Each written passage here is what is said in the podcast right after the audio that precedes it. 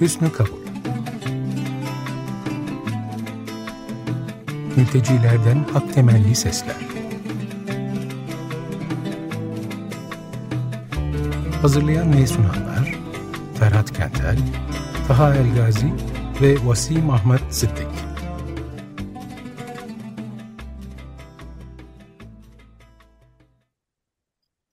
Merhaba dostlar, hepinize günaydın ve sarılıyorum. Burası Açık Radyo 95.0, Ferhat Kentel, Taha Elgazi ve ben Vasim Ahmet Sıdiki ile birliktesiniz.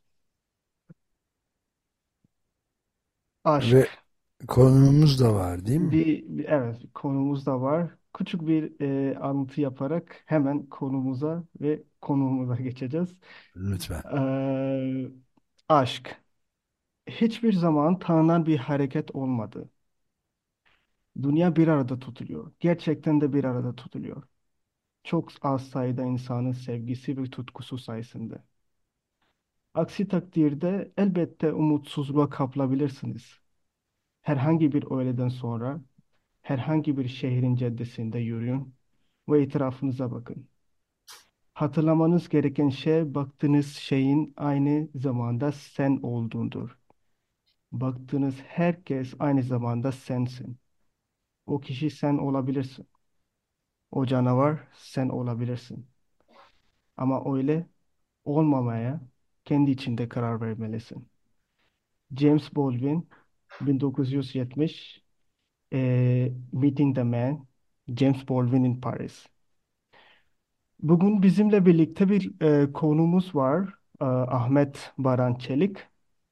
Kendisi bir avukat ve insan hakları alanında faaliyet yürüten Özgürlük İçin Hukukçular Derneği OHH'de üyesi ve yöneticisi.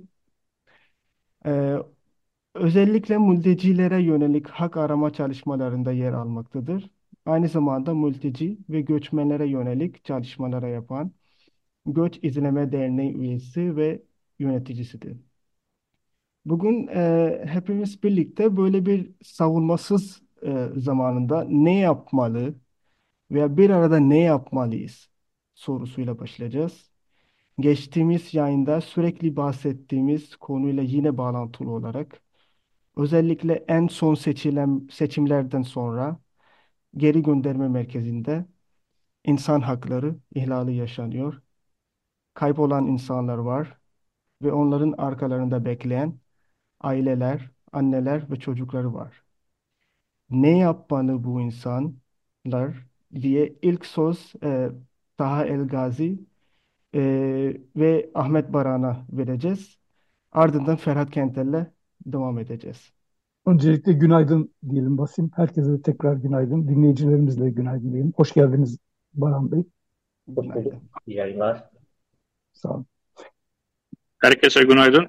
Hayırlı sabahlar.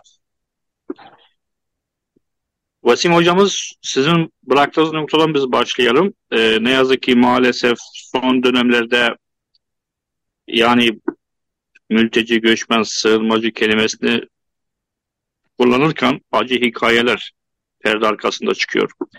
Ee, insanları zorla gönderme, zorla kaybetme, keyfi gözaltına alınma, e, geri gönderme merkezlerindeki maalesef çoğu uygulamalar gayri insani bir alan noktasına geldi. Tabii ki bu konuyla alakalı biz aylardır, yıllardır değerli ve saygılı Ahmet Baran hocamızla birlikte e, insan hakları alanında ve özellikle göçmen hakları alanında çoğu iş birlik alanında bulunduk. E, bugünümüzde de Ahmet hocamızdan bu noktaya istinaden bir değerlendirmesi, ayrıca hocamızdan bir tavsiye yani herhangi bir göçmen ya da mülteci bu duruma düşerse ne yapması gerekiyor? Hukuki ve kanuni süreci nedir? Bunları Ahmet hocamızdan duysak tüm dinleyicimize inşallah faydalı ve olur inşallah. Hocam söz sizde Ahmet hocam. Teşekkür ederim hocam. Ee, herkese merhabalar tekrardan. Ya aslında hocam e, bana sözü bırakırken biraz açıdan herhalde bir değerlendirme yapmamı istiyor ama ya süreç hukuki bir süreç değil aslında. Biraz biraz da buradan bakmak lazım. Şimdi e, yine bir seçim var önümüzde. Yine hedefler, e, oklar e, anladığımız kadarıyla göçmenlere yönelecek ki 2018 seçiminden sonra aslında bu başladı. 2018 seçimlerinde yani daha önce çok sık da konuştuk bunu. E, bizim çalışmalarımızda da biz bunu fark ettik. E, yani özellikle mülteciler ya da göçmenler derken bahsederken özellikle burada e, ağırlıklı olarak Suriyeli e, sığınmacılardan bahsedeceğiz. Hani onu da belirtmek isterim. Yani 2011 yılından beri buradalar ama 2018 yılına kadar böyle sorunlarla biz karşılaşmadık gerçekten de. Evet, küçük çaplı problemler oluyor ama böyle kitle, kitlesel bir yönelim yoktu. Böyle e, yani en azından ülke sınırları içerisinde e, kitlesel bir hak ihlali söz konusu değildi. Evet, bir emek sömürüsü vardı kesinlikle ama böyle e, bu e, sığınmacılara yönelen bir nefretin e, izlerini bu kadar keskin, bu kadar derin görmüyordum. Ama 2018 seçimlerinde her ne olduysa 2018 seçimlerinden sonra desek daha doğru olacak. Birkaç tane parti ile başlayan bir süreç oldu ve e, iktidarı baskılamak ya da iktidarı hedef almak ve oy kazanabilmek için sürekli olarak sığınmacıları hedef aldılar.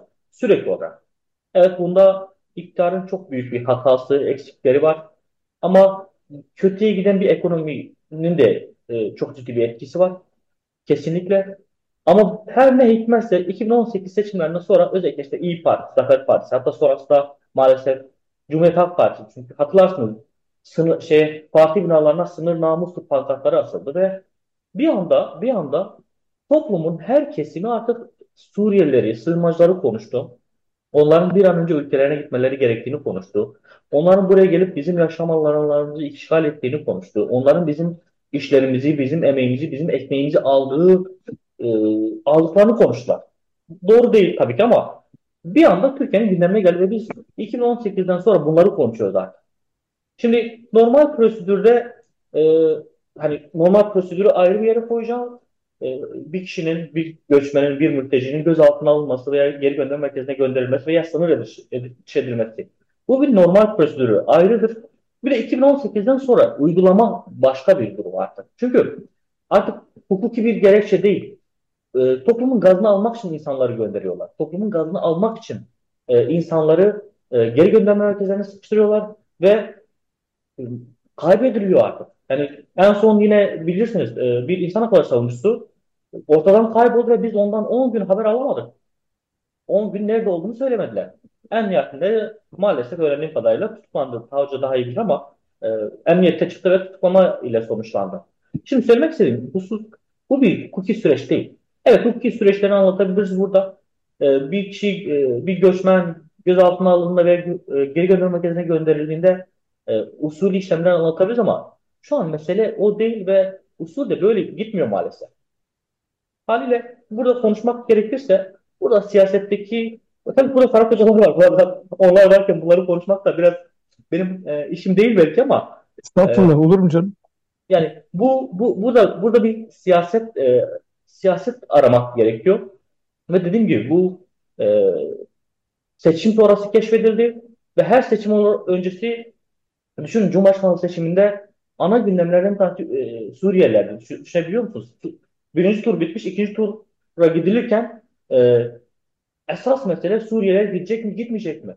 Esas gündem oydu. Esas anlaşma oydu. E şimdi e, bütün siyasetçiler, bütün medya bunları konuştuğunda halkta da tepki oluyor. Halk, halkta e, istenmeyen saldırılar da meydana geliyor.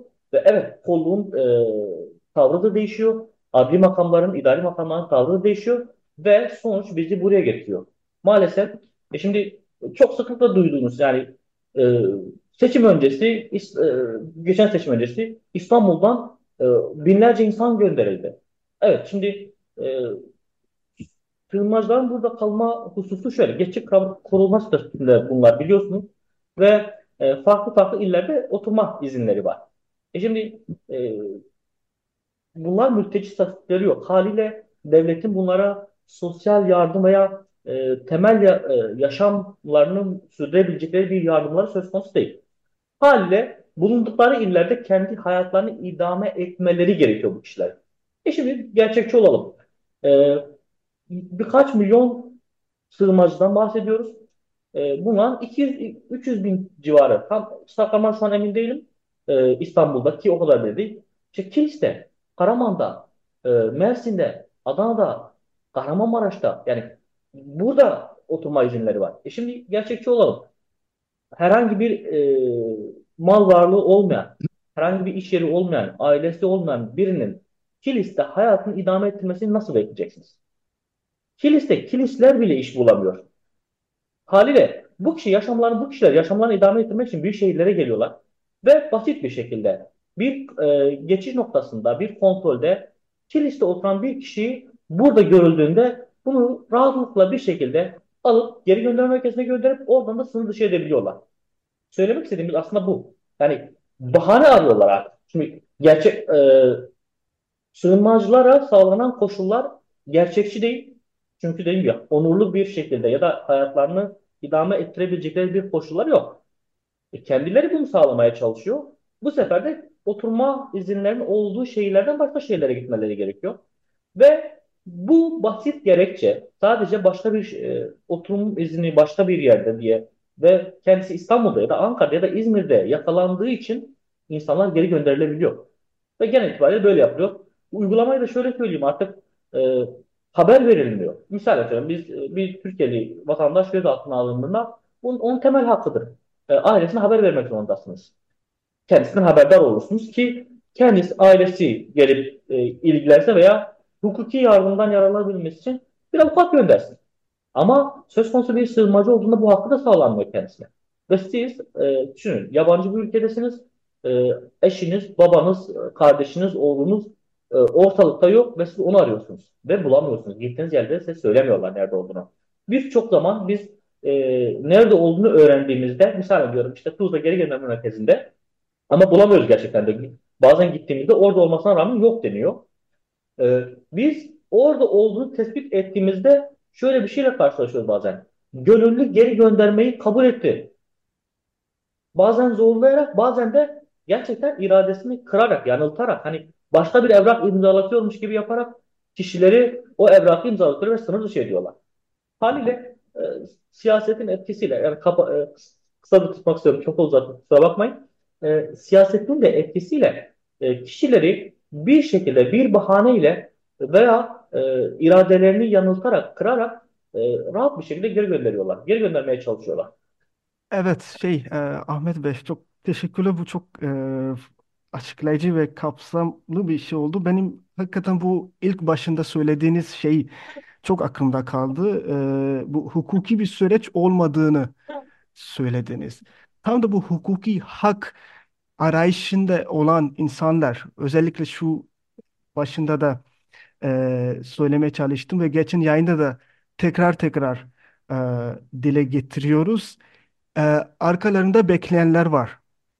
E, ne yapabilirler deyip belki bu, bundan sonra Ferhat Hocam e, bu hukuki bir süreç olmadığını aksine siyasi bir süreç olduğunu söyleyeyim. Ne kadar aslında kaygan bir zeminde duruyor bu mesele.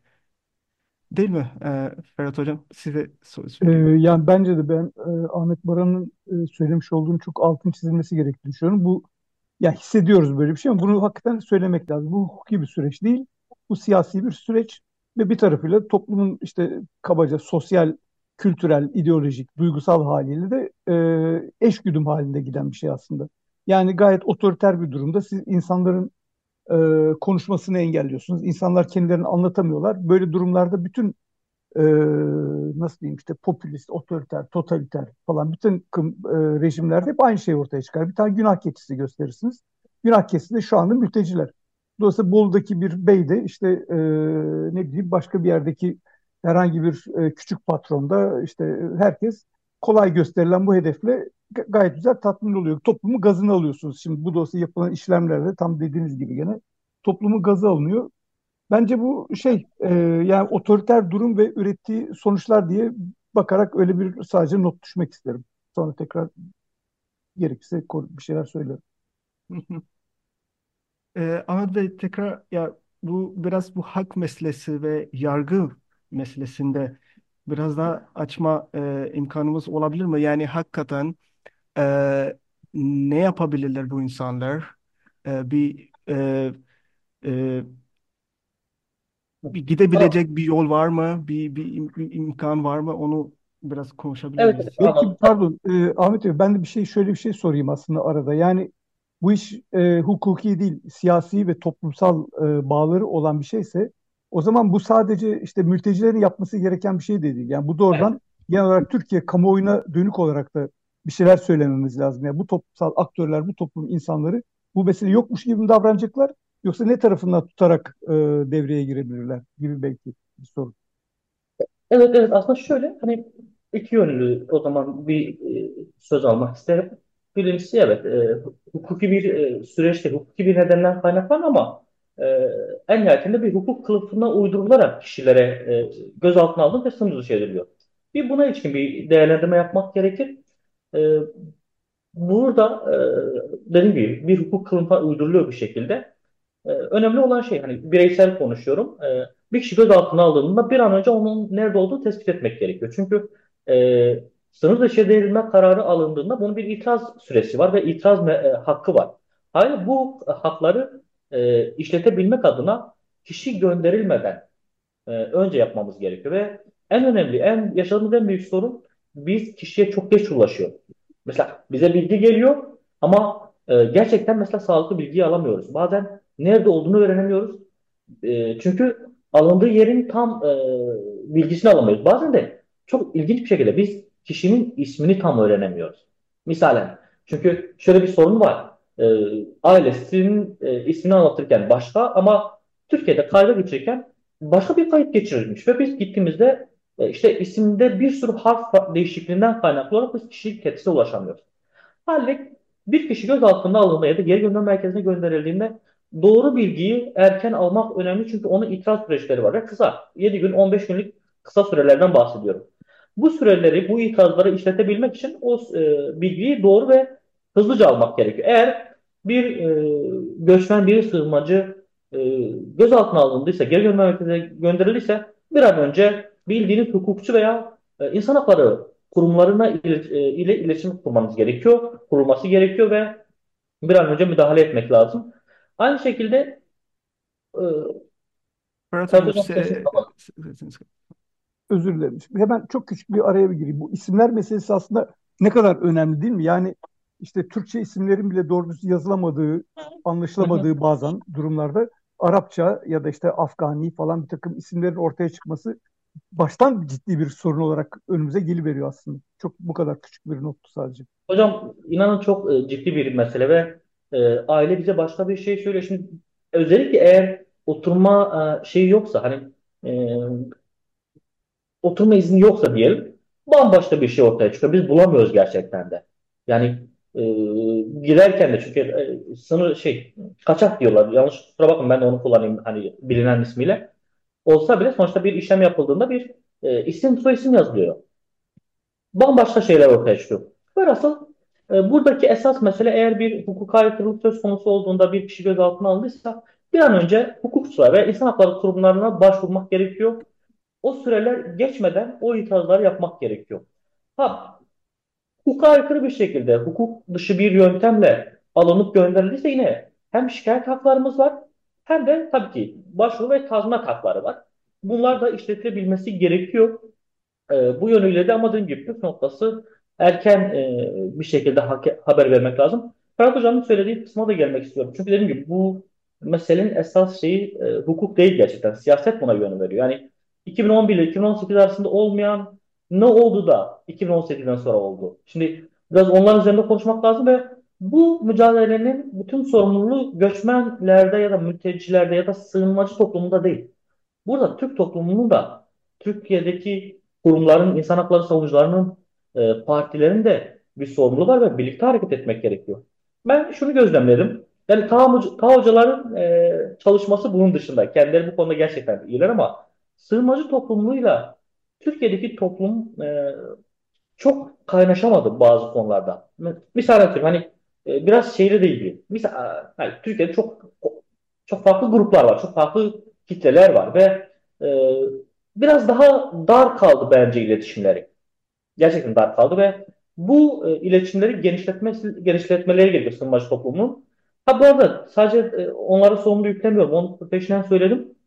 Ama e, yani partiler üzerinden konuşacaklar. Belki partiler tam karşılamayacaktır bunu ama sadece AK Parti ile iletişim yetmeyecektir. Yani e, ki sorunun esas kaynağı. Yani siz eğer bir sorun varsa sorunun bütün muhataplarıyla e, görüşebilmeniz gerekiyor. O, o kanalları zorlamanız gerekiyor. CHP ile ki demiyor mesela biz denedik yani. CHP ile de görüşmeniz gerekiyor. İyi Parti ile de görüşmeniz gerekiyor. MHP ile de görüşmeniz gerekiyor. Zafer Partisi ile de gerekirse görüşmeniz gerekiyor. Çünkü sorun buradan kaynaklanıyor ve e, yine aynı şekilde insan hakları kurumları açısından da dediğim gibi o yelpazeyi genişletip bütün e, kurumlarla, bütün kesimlerle iletişim kurması gerekiyor. Çünkü bunun doğru konuşulabilmesi için e, insanların e, muhatapları tanıması gerekiyor gerçekten de. Yani e, bizim kurumumuzu düşünün. Biz herhangi bir sığınmacı toplumuyla bir araya gelmeden sığınmacı haklarını savunmak da doğru yerden değil, doğru yerden yapamayız bunu. Bir tanışmak gerekiyor ve mücadeleyi birlikte yürütmek gerekiyor. Bunu bunu yapmak gerekiyor.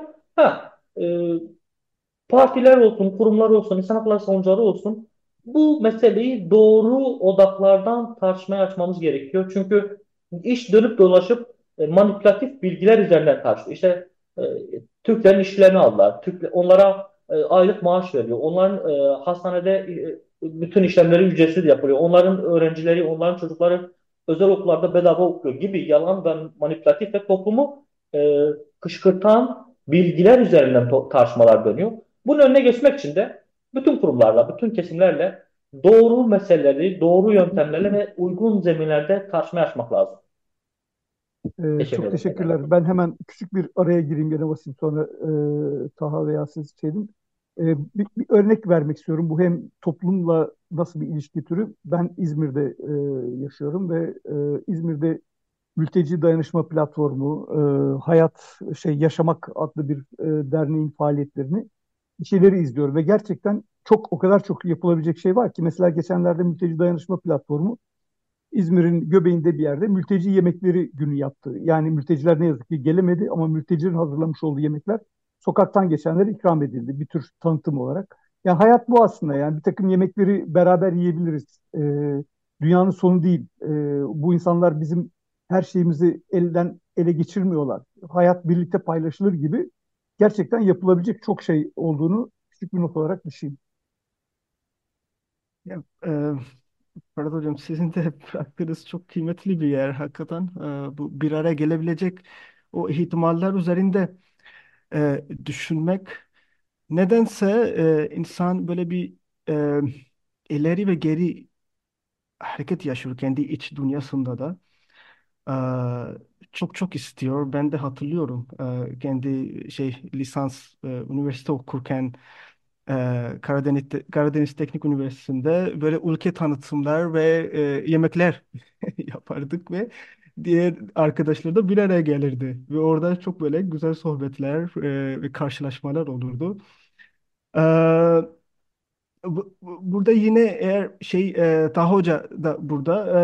E, Taha Hoca sizin eğer söylemek istediğiniz bir şey varsa Ahmet Baran Bey'e e, yine bu yargı ve adaletle ilgili başka bir şey de olabilir. E, Hocam bizim ek aklınızda takılan. e, söylemek istediğimiz şu noktalar. Yani ne kadar bu dönem zor olsa da, ne kadar bu dönem üzerimize ağır gelse de, bence de bazı diyelim ki konularda, bazı davalarda e, ya pozitif, umut e, yaratan vakalar da var.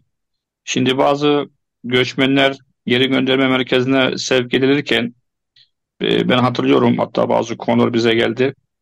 E, işte avukat hocalarımız yoluyla bu konuyu takip ettikten sonra tahliye ediliyor. Ama yine de şu noktayı unutmamız gerekiyor. Bu noktayı zaten Baran hocamız konuşmasının içinde metninde tespit etti. Sığınmacılarla, mültecilerle, göçmenlerle ne yazık ki maalesef e, düzenli bir kanun ortamı ortada yok. Ben şunu görüyorum.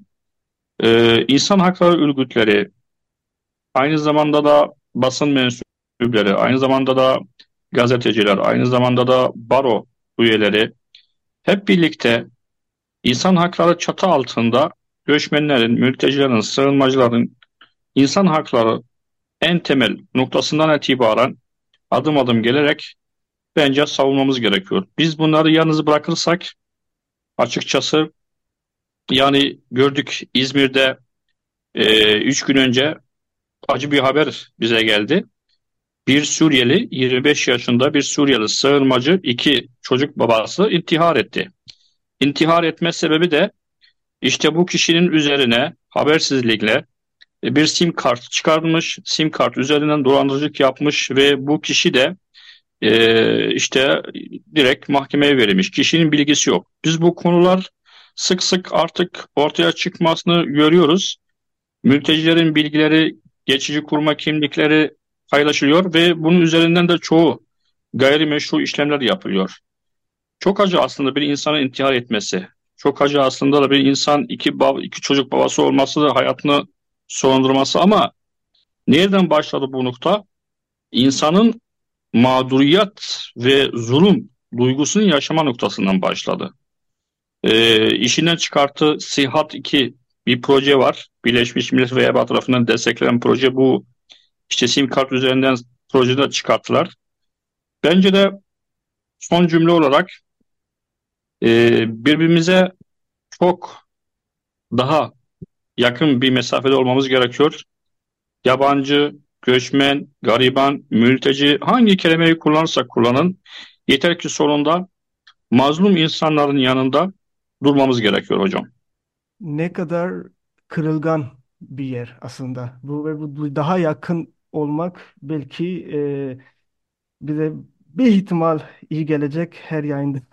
Sonunda bunu söylemeye çalışıyorum ama bu kırılganlık aslında bu iç dünyaya ait bir kırılganlık bir yanda da bu intihar etme meselesi e, veya e, bu dış dünyada da karşılaşma ve yemek konusu bir araya gelme ihtimallerde e, bu git gel e, yaşanacak ama bu dışarıdaki dünyayla daha da çok karşılaşma e, yapalım diye umut ediyorum.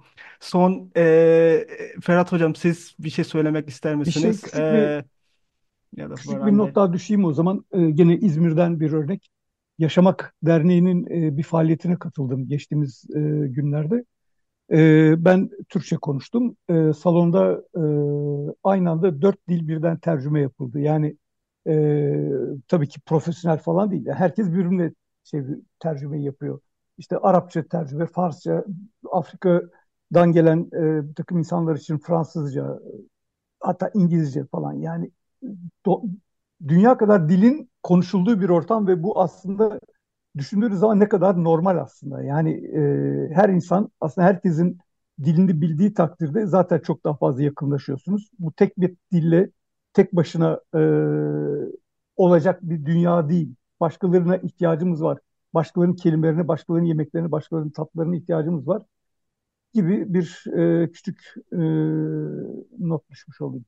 Ve teşekkür ederim. Çok Ahmet Bey. teşekkürler herkese. Ee, bugünkü yayınımız burada sonlanıyoruz. Haftaya yine çarşamba günü saat 9.30'da görüşmek üzere. Görüşmek üzere. Hoşçakalın. Görüşmek Hoşça kalın. üzere. Çok Görüşmek teşekkür üzere herkese.